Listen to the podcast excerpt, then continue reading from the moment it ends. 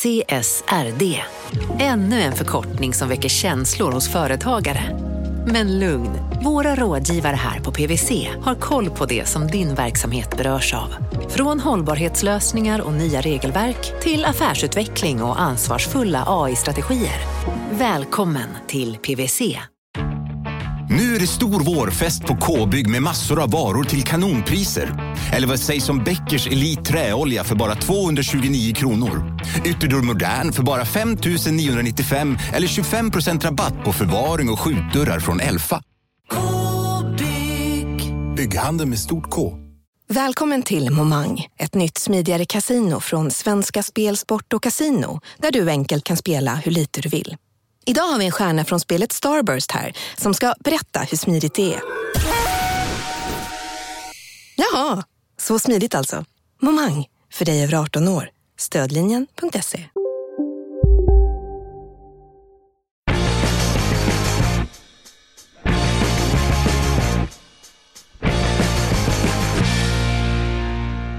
Bitcoin genomför sin största uppdatering på flera år. Kan en mobilapp ordna alla dina skatteproblem? Och dessutom allt du vill att veta om mining. Välkomna till De kallar oss krypto. Jag heter Mårten Andersson. I normala fall är jag komiker och driver klubben Raw. Men eh, i den här podden så är det fullt fokus på krypto. Och det gör jag tillsammans med ekonomijournalisten från Kapitalet, Gunnar Harjus. Hej Mårten, hur är läget? Bra. Hur mår du? Jag mår bra. Eh, Du kommer ju alltså för typ, jag skämtar inte, typ fyra minuter sedan från ett sjukhus där du fått en spruta i armen. Ja. Eh, Känner du dig frisk och kry och kommer kunna genomföra inspelningen som planerat? Som, som det känns nu så är det det. det. Det var ju först då man fick den här vaccineringen mot covid och eh, det var så otroligt proffsigt uppstyrt på det här Sabbatsberg i Stockholm där Ja. jag var då. Och eh, när man hade fått sprutan fick man sitta och vänta i 15 minuter och eh, se till att ingenting konstigt hände. Och sen fick jag åka därifrån. Ja, chill. Jag tänker att du är så här en person som så brinner för eff- effektivitet och bara vill så här få det överstökat och du liksom kommer in och, och gör en stor scen och bara sätt den i halspulsådern nu tack. Bara, jag, bara, Jag har bråttom. Ja, Jag har golftid på Brohof om sju minuter. Exakt, det är inte så utan du satt, du satt eh, som en, en snäll pojke och väntade. hatten av till, till alla där. Förutom att de bara var väldigt trevliga så var det eh, alltså, tysk effektivitet. Ja. Det var en, en kvinna som tog emot där och bara så här, ropade upp vilka som hade de här tiderna. 11.15, ja då är ni välkomna in nu. Och så fick man liksom sprita händerna, munskydd, visir och sen snabbt in i ett rum. Eh, och där fick man då svara på frågor, vaccin och sen fick man sitta och vänta 15 minuter. Och nu är vi här! Ja, Krypto! Det, ja, för fan vad härligt. Ja, Mm, hur har din kryptovecka varit? min kryptovecka har varit eh, bra. Jag eh, har börjat göra, eh, köra hävstång igen. jo. Nej. Nej då. Men, jo, jo, men det har jag faktiskt. Därför att eh, min, min husgud Sheldon the Sniper började prata då om att vi, vi kommer få se en korrigering till. Vi går ju då mot, eh, när det gäller bitcoin, death cross, eh, där MA50 möter MA200. Okej, alltså och- moving average. Ja, och om du skulle förklara det här för en person som, som inte typ sitter och kollar YouTube-kanaler hela dagarna. Jag skulle säga då att det är medelvärdet på bitcoin över 50 dagar och medelvärdet på bitcoin över 200 dagar. Och när de korsar varandra så är, är det inte så jättebra. Och det håller de på att göra nu. Okej.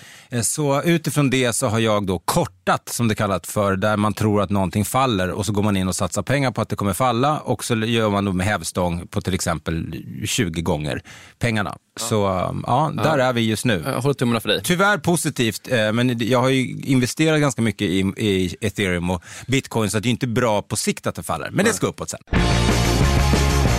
Jag vill börja med att bara säga jättestort tack till alla lyssnare och tittare som har hört av sig till oss på eh, DKO Krypto som vi heter på Twitter och de kallar oss Krypto som vi heter på alla andra ställen.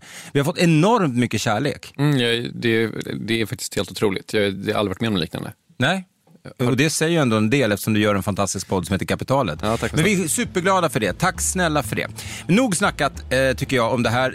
Vi har ett jättebra avsnitt framför oss eh, igen, tycker vi. Vi har en stjärngäst på plats och vi kommer gå djupt på eh, temat mining. Mm, just det, det är liksom själva grunden i det här med, med kryptovalutor. Alltså utan mining, ingen bitcoin och så vidare. Exakt. Och eh, det här är ju lite komplicerat för de flesta av oss. Så då har vi en expert som kommer berätta om eh, ja, men allt från hur det går till, eh, och, liksom, varför man går in i just det och hur framtiden ser ut och, och de pengar man kan tjäna. Och menar, vi måste såklart prata miljöaspekt och massa saker. Just det. Men först det här.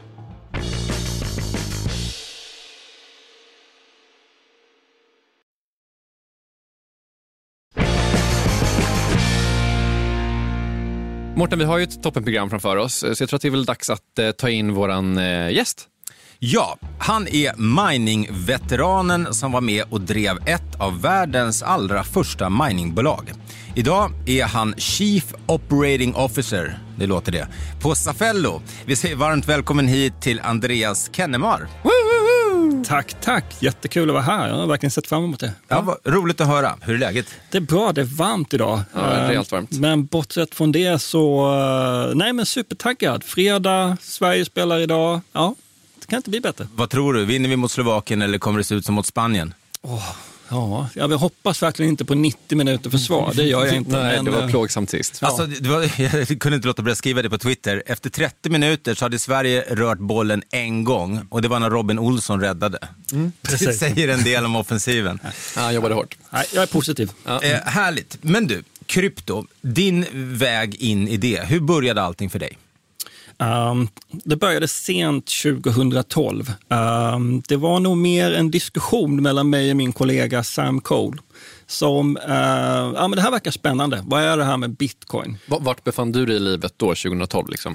Uh, jag befann mig just då i en solstol i Thailand uh, och fick ett sms. Har du kollat på bitcoin?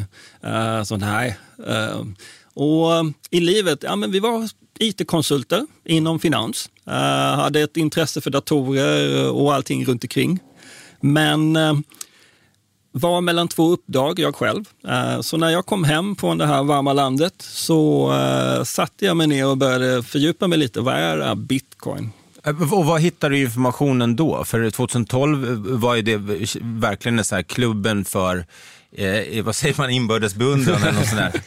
De närmast sörjande kanske? Precis. Ja, något sånt. Ja. Ja. Nej, men, eh, I stort sett tror jag det började på det här Bitcoin Talk som många gamla i, i Bitcoin-världen känner till. Ett forum där alla de här, till och med grundare Satoshi, eh, alla andra var och diskuterade frågor. Um, och där började man läsa och förstå lite mer om vad det här med bitcoin innebär. Eh, men fortfarande på väldigt, väldigt eh, abstrakt nivå. Inte riktigt in i detaljerna. Jag tycker det är en intressant bakgrund, liksom, IT-konsult plus finansvärlden. För jag vet inte, det var någon, om det kanske var John Oliver, den här amerikanska amerikan, eh, liksom talkshow-hosten som beskrev bitcoin som allt du inte kan om datorer kombinerat med allt du inte förstår om pengar. Eh, Och då känns liksom IT-konsult inom finanssvängen som liksom den perfekta liksom, ingången i det här. Ja, eh, jag tror inte man insåg att man kanske kunde ha nytta av det eh, när man väl gav sig in i, i kryptovärlden. Jag har haft enorm nytta av det, märker jag nu, när jag är egentligen tillbaka igen. Men ehm, jag tror att vi tog det ganska mycket från den här analogin med Klondike. Alltså vi, vi insåg att här kan man ju producera någonting, men vi gjorde det som ett hobbyprojekt från början. Så vi köpte datagrejer, datadelar och byggde ihop och testade. Hur funkar det? Ja. Ehm, och det rasade ju in lite bitcoin eftersom ehm, ja, man tävlade på lika villkor som alla andra. Eh, Vi kommer komma tillbaka till din historia och vad du faktiskt sen gjorde med den här kunskapen. Eh, Men eh, Mårten, först så ska vi väl gå in på ett nyhetssvep. Det har ju hänt väldigt mycket i veckan nämligen. Ja, vi kör.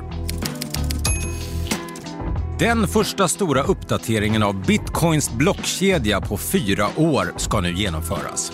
Uppdateringen, som kallas Taproot, ska göra det lättare att skapa så kallade smarta kontrakt samtidigt som det ska öka integriteten hos de som för över pengar. Tekniska uppdateringar av bitcoins blockkedja kan göras först när 90% av alla nya block som minas använder en speciell kod för att signalera sitt stöd för en viss uppdatering. Det här uppnådde Taproot nyligen, vilket betyder att arbetet med uppdateringen nu kan börja. Den väntas bli klar i mitten av november. Ännu en gång har handeln med den första börshandlade bitcoinfonden, Fanec Bitcoin Trust, skjutits upp. Det är den amerikanska tillsynsmyndigheten SEC som har bestämt sig för att återigen senarelägga beslutet kring fonden. Anledningen är att myndigheten vill få klarhet i riskerna med manipulering av priset på bitcoin. De vill därför undersöka kryptovalutans transparens och det här kommer göras genom att allmänheten bjuds in för att kommentera de här sakerna de närmaste 20 dagarna. Det här gör då att lanseringen av USAs första bitcoinfond skjuts upp ytterligare. Många har trott att 2021 ska bli året då en renodlad börsnoterad kryptofond lanseras, men än så länge har myndigheterna stått i vägen. Sverige. Den svenska Finansinspektionen är fortsatt kritiska till kryptovalutor. Det står klart i onsdags då inspektionens generaldirektör Erik Thedéen uttalade sig om teknologin. Thedéen sa att kryptotillgångar inte är att jämföra med en valuta utan snarare är att likna vid konst eller guld. En av anledningarna är kryptovalutornas stora prisförändringar, något som diskvalificerar dem från att räknas som valutor av Finansinspektionen. Thedéen kritiserade också energianvändningen hos kryptovalutor men sa också att blockkedjetekniken har stor potential och att den skulle kunna användas för aktiehandel och smarta kontrakt i framtiden. Och slutligen, Världsbanken kommer inte att hjälpa El Salvador att göra bitcoin till en av sina officiella valutor. I början av juni så röstade El Salvadors kongress igenom en lag som innebär att bitcoin blir officiell valuta. Och I onsdags så tillkännagav landets finansminister Alejandro Zelaya att man har bett Världsbanken om hjälp för att införa valutan i landet. Det negativa svaret kom dock snabbt och enligt en talesperson för Världsbanken är en av anledningarna bitcoins miljöpåverkan. Däremot kommer banken att hjälpa landet i frågor som rör reglering och transparens.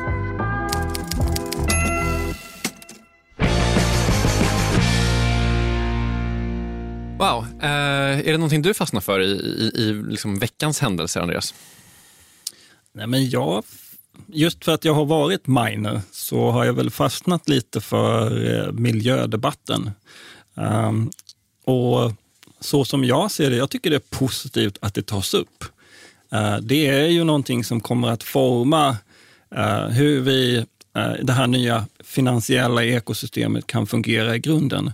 Och då vore det dumt att inte ta itu med miljöaspekterna också. Just det. Speciellt om man kommer från Sverige, Gretaland. Ja, verkligen. Eh, är det någonstans där det är hög eh, ska vi säga, intresse för den här typen av frågor så är det här.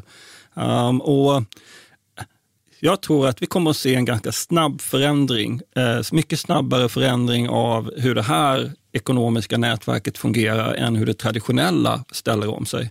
Så eh, snarare att jag är mer positivt inställd till att frågorna kommer upp och att man faktiskt nu aktivt eh, jobbar med dem. Jag var ju en av de som blev lite, lite sur, men det är av rent personliga skäl för att jag har investerat pengar och det har gått åt pipsvängen, eh, delvis eh, på grund av Elon Musk. Men så här med distans till det så inser jag att det, det är bara bra. Hellre att en sån här fråga kommer upp, jag menar visst nu har bitcoin funnits i, i x antal år, men, men krypto är fortfarande väldigt nytt. Eh, så att det kommer i ett så här pass tidigt skede ändå, miljöfrågan, än att det snarare skulle komma långt senare. Mm. Um, jag, jag håller med dig att det, ibland måste man ta tjuren vid hornen. Uh, det är lätt att uh, försöka gräva ner någonting som bubblar under ytan. Uh, här finns ju ett helt ekosystem av människor, företag som aktivt intresserar sig för att åstadkomma förändring för någonting som ändå är ganska ungt. Mm. Och Det tycker jag är positivt. Vi är tidigt på bollen. Det finns enorma möjligheter och jag tror också att det här kommer att driva på eh, grön energiutveckling i världen generellt. För att det är så många som har kunnande som intresserar sig. Ja, men för en sak jag tänker på till exempel, det är ju eh, som också fick kurserna att droppa. Oavsett om man, man struntar i, i kursförändringar och sånt där. Så eh, en av de sakerna i alla fall som fick det att droppa var ju eh, Kinas, eh, liksom då, för, att man förbjuder mining och så vidare. Men det, det man, de, så länge jag har förstått det rätt då, så handlar det mycket om, om eh, skadlig mining, eller vad man ska kalla det för, miljöskadlig mining i form av kolgruvor och annat. Eh, och att man då stänger ner där. Men det som då verkar hända nu istället är ju att de här eh, minerserna antingen eh, säljer av, eh, men de kommer inte sluta, utan de flyttar till andra platser och försöker göra green mining. Det är det ena. Och sen när man tittar på att Elon Musk som exempel, så gick han ut eh, och Eh, sa att Tesla kommer att acceptera bitcoin som betalning när det finns data som visar på att eh, miningen är minst 50% grön. Och sen det tredje exemplet kanske är då att det kommer länder som El Salvador som har varit i ropet och som vi gjorde en special eh, eh, härom veckan med Christian Ander, om ni inte hörde den, lyssna på det. Eh, där då deras president som är extremt progressiv ju redan har satt igång ministrar och eh, ingenjörer och andra att undersöka deras vulkaner för att göra mining eh, genom vulkaner. Vad tänker, du, vad tänker du kring allt det här? Nej, men det är väl lite i linje med det att eh, frågan får oss att aktivt eh, jobba med det. Eh, och till och med länder går in och säger vi kommer aktivt att titta på att det här blir bra saker. Jag tror också incitamentet för att hålla på med ett eh, energitillgångslag som är dåligt för naturen är också inte ekonomiskt försvarbart. Så att eh, de här aktörerna som kanske har nyttjat det, Uh, oavsett hur mycket. Uh, de söker sig till grönare alternativ därför att det är mer ekonomiskt fördelaktigt. Det är också en större insyn i det, vilket gör att det vill inte framstå som den som smutsar ner. Ja, just det.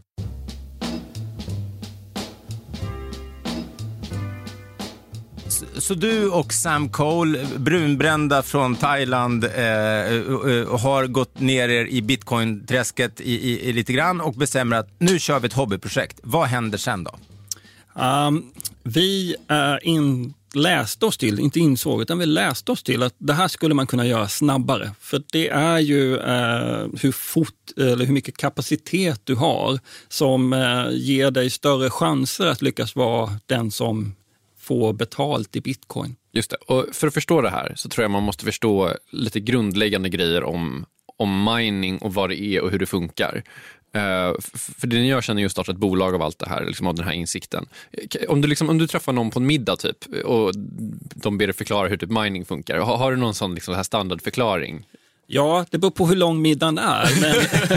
ja, det är en trerätters. Nej, men eh, jag ska försöka göra en så kort avyxad beskrivning. Ja. Eh, mining är processen för att eh, validera och processa transaktionerna som sker i det här nätverket. Och eh, eh, bakgrunden till det är ju att det finns ingen central part som eh, kanske en centralbank, utan här har man istället eh, ett distribuerat konsensusnätverk över hela jorden som ut efter vissa regler eh, verifierar och hanterar transaktionerna. Eh, så att liksom, i korthet så är det så här, jag får över pengar till Mårten och då finns det miners, till exempel då du, som skulle kunna säga så här, ja, det här är okej, jag har pengar, Mårten är en person som kan ta emot pengar. Stämmer. Ja, det är det som är liksom själva funktionen och när det här görs så skapas det också nya bitcoin det skapas nya bitcoin. Det är ju eh, inte, inte en bieffekt, men det är ju en speciell distributionsmodell som är eh, decentraliserad för att den inte ska, för att den på ett effektivt sätt ska kunna spridas ut ö, globalt över världen ja. eh, och tillföra nya bitcoins. Och, och, och, och, Det är det här också som man brukar prata om är liksom det energikrävande i bitcoin. Så vad är det som drar energi? Vad är det som är så svårt? Var, varför är det här liksom en, en grej som, som liksom olika finansinspektioner uttalar sig om? Ja, men eh, det här är ju ett digitalt monetärt nätverk som styrs av datorer och datorer använder el. Eh, men det är också lite som eh, gruvbrytning med guld. Det är arbetsinsatsen som du lägger in som ser till att avgöra hur stor chans det är att du får det här guldet. Och ju mer arbetsinsats du lägger in, det vill säga fler datorer, desto större chans, för det är fortfarande lite av ett lotteri i slutet, att du skulle kunna vara en dator och lyckas. Ja. Eh, men har du fler så är chansen större. Det handlar om att eh, finna en nyckel som kan låsa de här blocken som ingår i det som vi kallar för blockkedja. För innan de här blocken är låsta så är inte transaktionerna synliga för alla. De är alltså inte aktualiserade. Så tills att det här låset har skett så eh, är det fortfarande en öppen fråga. Och det jobbar de här minersen på. Och ju snabbare man är att hitta nyckeln, det låter som Fångarna på fortet det här. ja, Snabbare att hitta nyckeln. Men, men liksom, konkret också, så här, om man, man tänker på det som så här, leta nyckel i en höstack. Liksom. Höstacken här är väl enorm. Ja. Alltså det absolut säkraste är ju då det som eh, kallas proof of work. Men, men många, eller allt fler flyttar då mot proof of stake eh, mining för att det är miljövänligare om man ska göra det väldigt förenklat. Men eh, kändes det inte, om man sitter där och minar och man har lagt så mycket tid och datakraft och, och pengar och, eh, och liksom energikostnader och allt sånt och så är, så är det en väldigt, väldigt liten chans att man hittar den där nyckeln.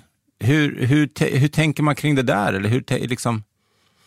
Ja, alltså... Det finns ju inga garantier Nej. alls i det här. Det kan vara någon annan som hinner före varenda gång. Ja, det, alltså, idag pratar vi om storindustri. Eh, från början så var det ju hobbybaserat. Vem som helst kunde ta en bärbar dator eller eh, en vanlig dator och plugga in i nätverket. Eh, du kan fortfarande göra det, men chansen är så pass liten.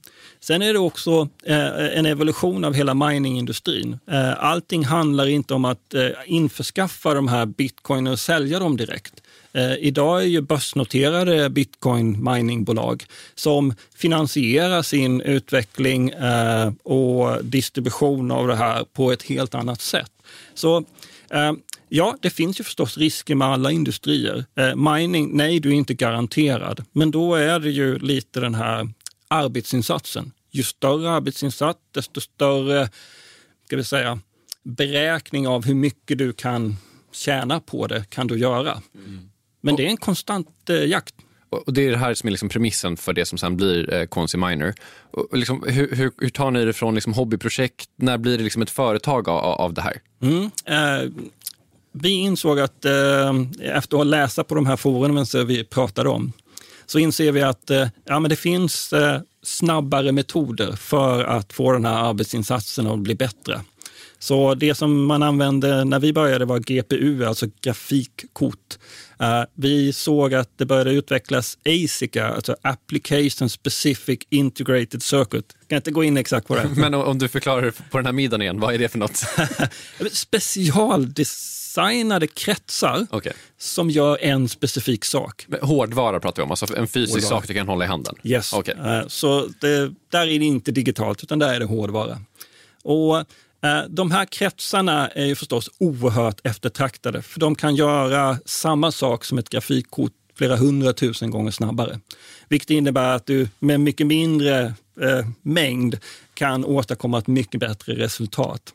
Så den eh, jakten var det ju förstås inte bara vi som var på jakt efter. Eh, att få tag i de här ASICarna eller datorerna som gör det. Så eh, vi beställde från ett amerikanskt bolag som alltid lovade två veckor senare. Mm. Uh, och då började vi forska lite mer, insåg att uh, vi är inte först i kön, utan vi står långt bak. Så de här två veckorna kanske blir två år. Då blev det bara en diskussion. Nej, men vi gör det själva. Och första frågan som kommer då, hur gör man en sån här? Mm. Det var ingenting som man, även om man håller på med IT, självklart att ja, men vi gör en sån. Så ja, det ledde till att vi på vinst och förlust tänkte, vem ska vi kontakta för att göra det här tillsammans med? Tänkte vi, ska vi ringa till Ericsson? Ja, de kommer ju bara skratta åt oss. Så ska jag ringa till Ericssons kundtjänst och fråga hur, hur bygger man en miner? Uh, så av en slump så Google, fantastiskt, hittar ett svenskt litet bolag som heter Orsoc som jobbar just med utveckling av de här små kretsarna som vi nämnde och sa vi har en eh, lite annorlunda idé. Vi skulle vilja prata med denna mer. Och eh, ja, vi stämde möte, träffades. Eh, de trodde vi skulle göra någonting helt annat. Ehm, och vi hade som krav att ja, men ska vi göra det här, då ska vi göra det i ett bolag ihop. För det går inte att vi köper era konsulttimmar, utan vi gör det här ihop. Så det blev grunden till KNC Miner. Vi startade i mars 2013 och för att korta ner hela, då började det här rasande tempot. Eftersom det här var en global jakt på att få fram eh, den här typen av produkter. Mm.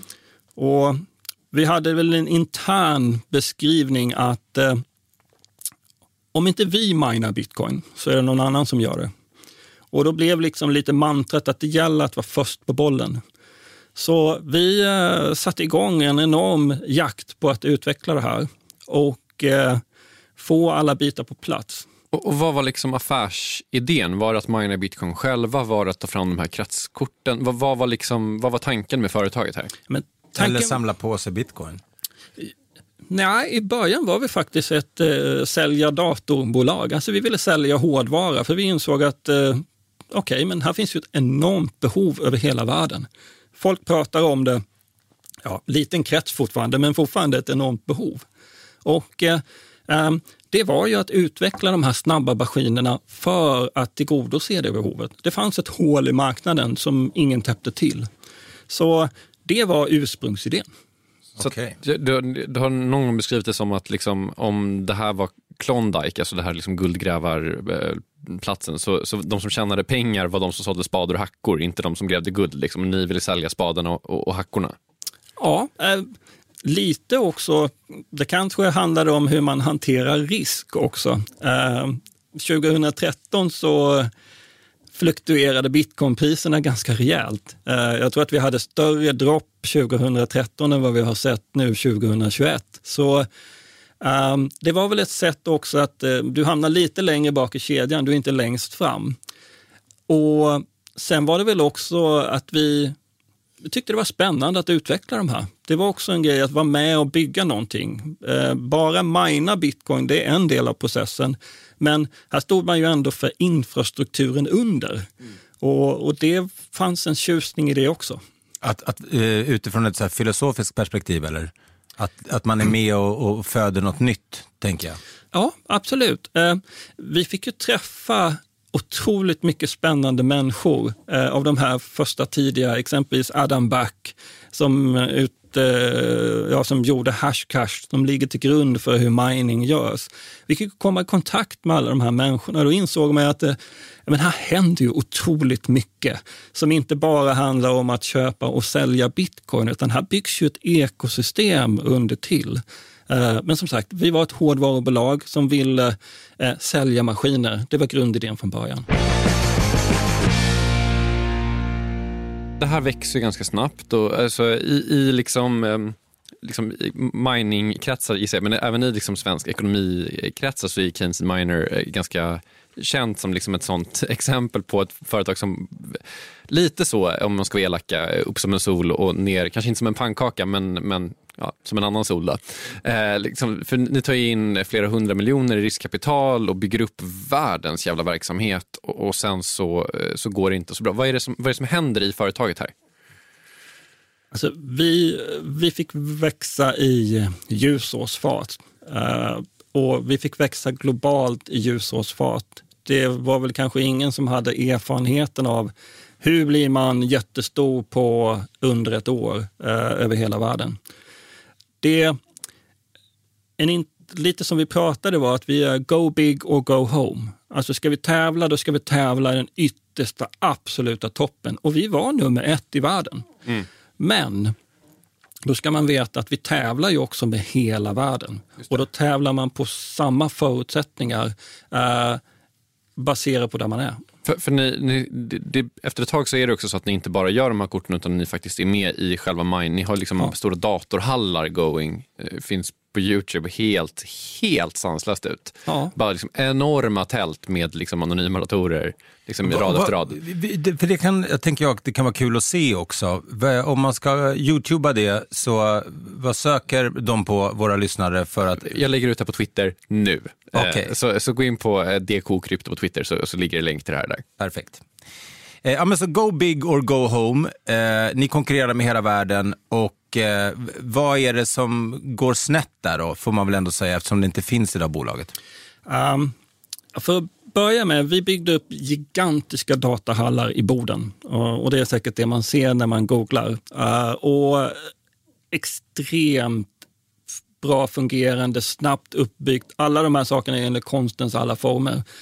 Men Eh, den största kostnaden för en miner är energi. Det är det du betalar, det är merparten. Köpa produktdelarna är en bit, eh, men det är energin som är den stora kostnaden. Och eh, olika länder har olika regler för hur energi beskattas. Och skatteläget i Sverige var ganska högt då, framförallt för ett bolag som inte kunde säga att de var LKAB. Så vi fick ju betala en ganska hög premie jämfört med exempelvis Kina som eh, mer eller mindre kunde nyttja el ibland gratis från eh, olika kraftstationer. Och över tid så är det väldigt svårt att konkurrera. Du ska ju ha personal, du ska köpa nya produkter. Jag pratade om kapprustning. Eh, det är ju att hela tiden bli starkare, större för att kunna ha en så bra chans att bryta den här typen av eh, bitcoins. Då. Så Ehm, över tid så blev ju den här ekonomiska modellen inte eh, till fördel alls. Och eh, då går det ganska snabbt utför. Eh, Anders, vi ska höra resten av din historia, vad som hände med Keynesian Miner och även få dina takes på lite saker som händer idag. Men först det här.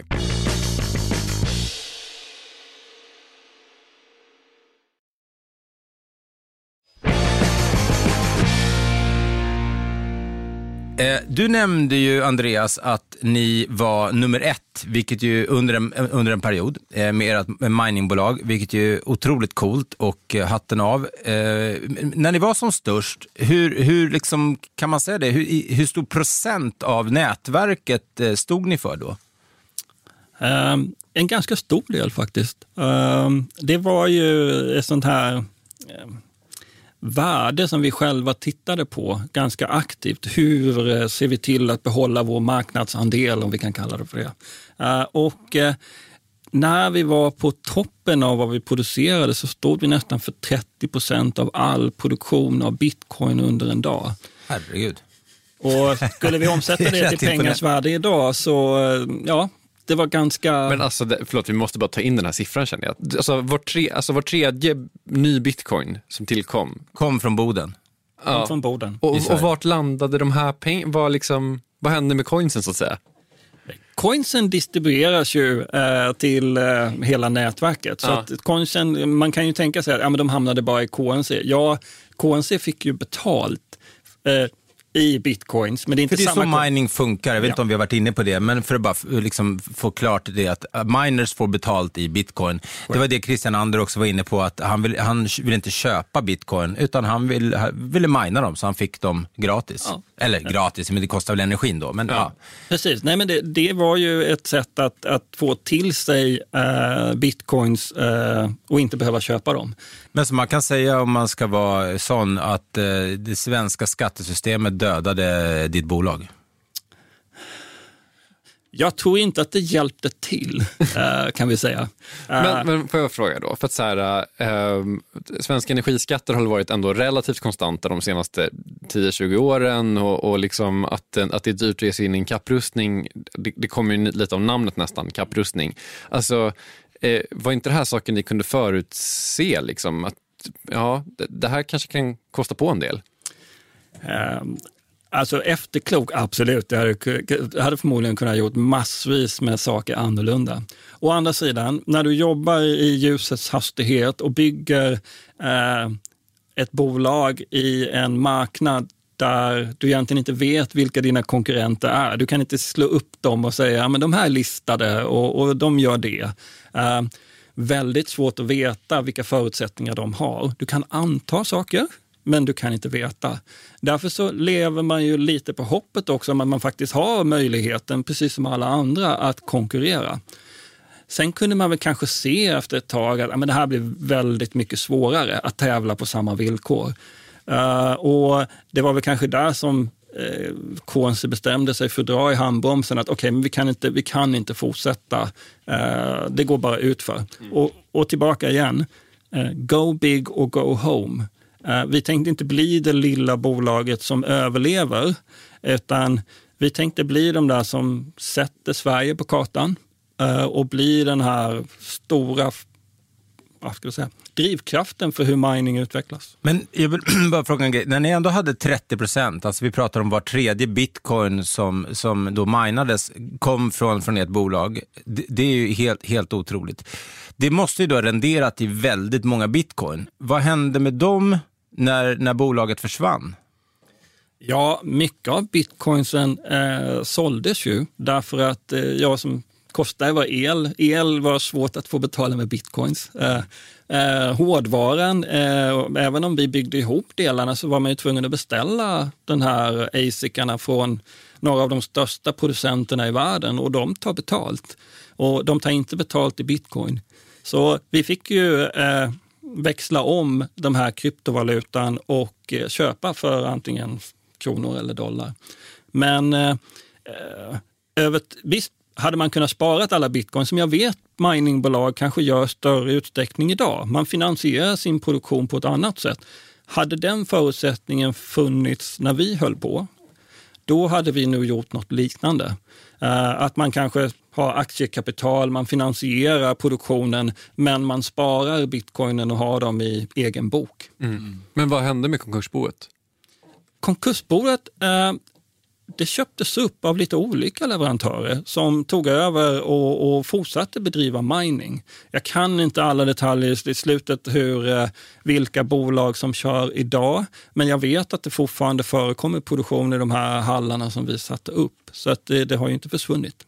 Det var en ganska knivig eh, marknad att befinna sig i, för det fanns inga tydliga regler. Eh, jag vet att vi pratade om det här med beskattning lite tidigare och, och nämnde att det klassades som konst.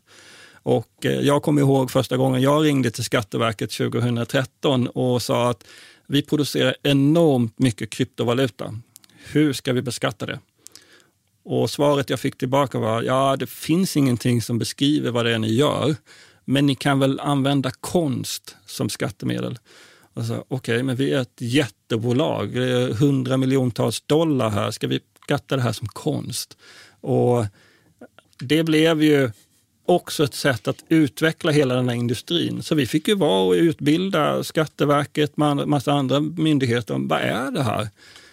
Um, så um, enorm uh, massa nya saker som man var tvungen att ta, som inte var givna.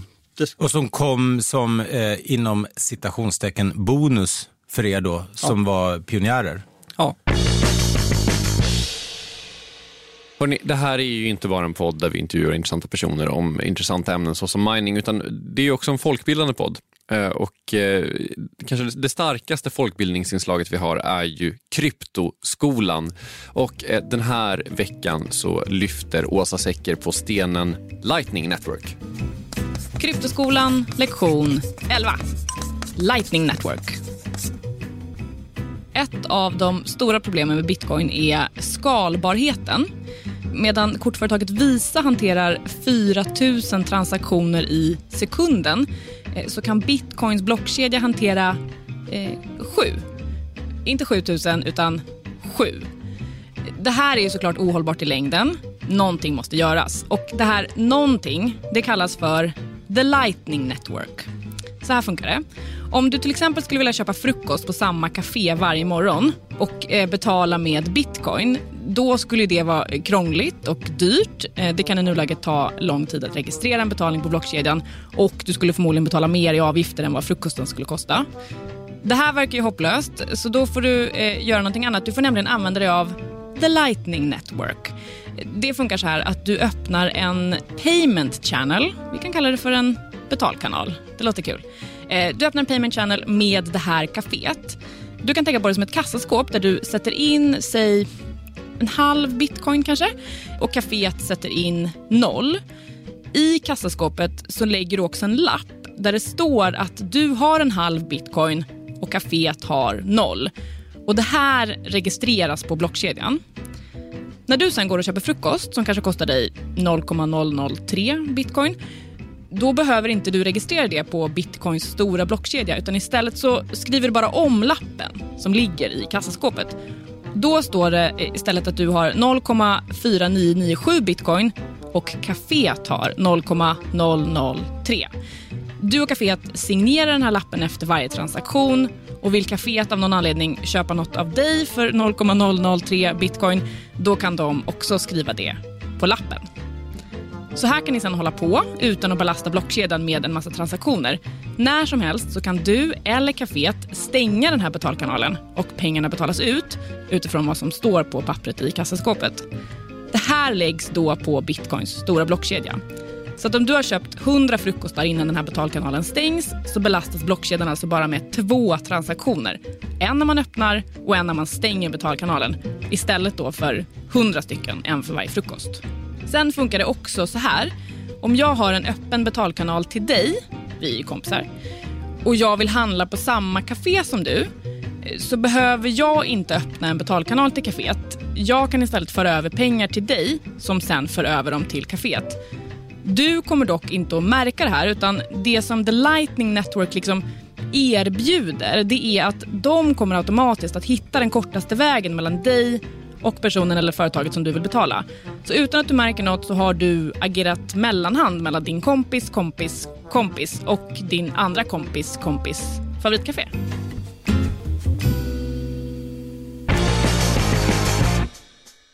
När du tänker på den här tiden, eh, vad är det för känsla du har? Eh, är det stolthet, eh, bitterhet? Eh, vad, vad skulle du säga?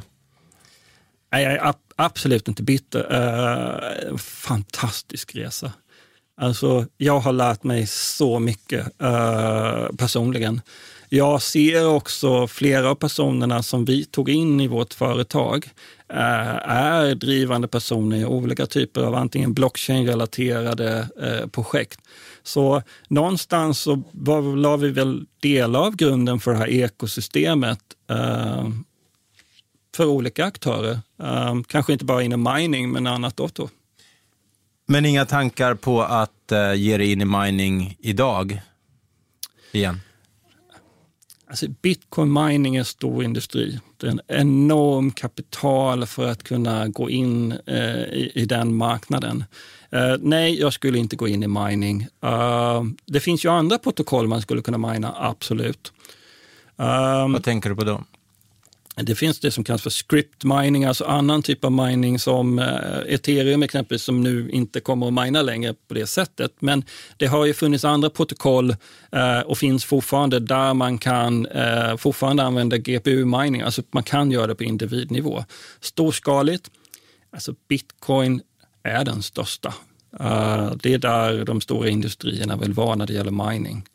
Sen så Uh, utvecklingen framöver med mining, alltså det, kommer, det kommer att vara i stor industriskala och det är så otroligt svårt att bara ge sig in. Mm. Eh, Anders, det har varit jätte, jätteroligt att ha dig här. Jag tänkte att vi skulle testa en ny grej, Mårten, som är att vi avslutar varje avsnitt med en eh, lyssnarfråga som inte nödvändigtvis är kopplad till, till gästen. Eh, okay. Även när vi inte har Orakel här. Hur känner, hur känner du inför det? Du, vill ha in så mycket lyssnarfrågor som möjligt. Ja, jag, eh, jag, jag vurmar. Vad är det du brukar säga? Att du brinner för, för, för vissa saker. Jag, ja, jag vurmar och brinner för vår telefonsvarare, för det känns som en, en fin Eh, service, vad säger man? Fin, ja, eh, fin grej för er eh, lyssnare att, att bara fråga på och så försöker vi hjälpa er. Just det, och vill man ringa så är det på 010 750 09 81.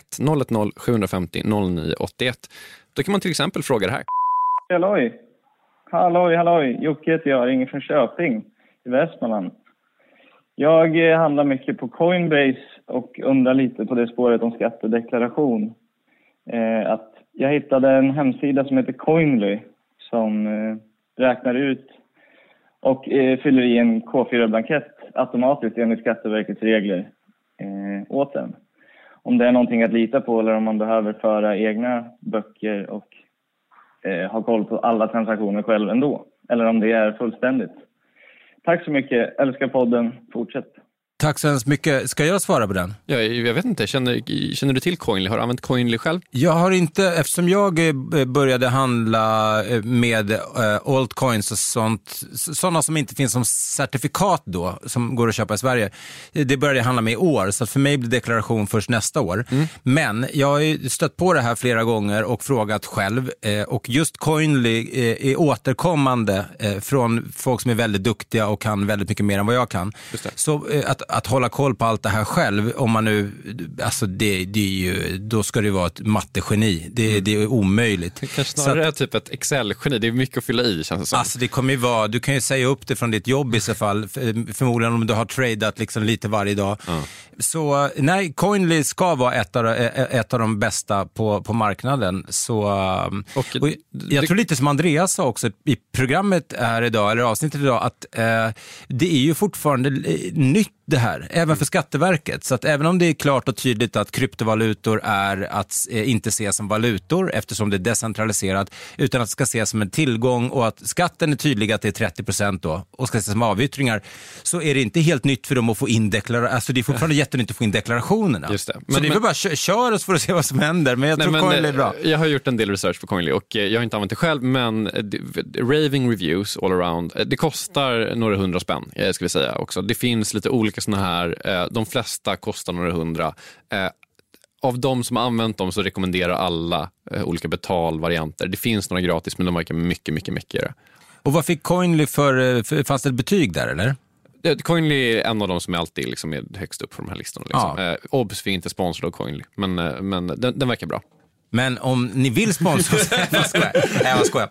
Eh, hoppas du fick svar på din fråga och tack för de snälla orden. Eh, tack också eh, såklart, eh, eh, ska vi runda av? Vi vi rundar av. Tackar så hemskt mycket för att komma hit. Eh, jättekul att eh, få prata med folk som gillar krypto. Eh, och jättekul att vara tillbaka och göra de här sakerna också. Jag har känt mig lite frånkopplad ett tag. Så nej, Vi brukar ju i podden också säga no financial advice, men om, om jag ändå ställer frågan till dig, eh, om man sitter och är tveksam och kanske speciellt utifrån den senaste månadens svängningar, kraftiga svängningar, eh, om man är, ska jag investera i krypto eller inte, eller ska jag hålla mig borta? Vad, vad skulle du säga?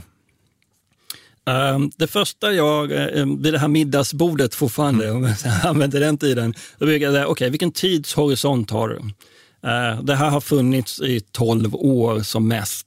Eh, med längre tidshorisont, absolut att kanske vara med och prova på. Skulle jag rekommendera någon att gå in med hela sitt livs besparingar? Nej, absolut inte.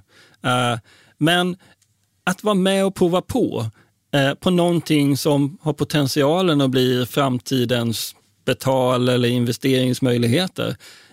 Det tycker jag man gör sig själv en, en, en, en bra tjänst i så fall. Eh, stort tack Andreas Kennemar eh, för att du kom hit idag. Eh, det har varit otroligt spännande att få höra hela storyn om, om mining och få lära oss mer. Mm, verkligen. Eh, vill man kontakta oss så gör man det hur då, Mårten? Eh, Man, eh, man ringer in till telefonsvararen om man har frågor. Eh, 010 750 0981. Yes! Äntligen satt den.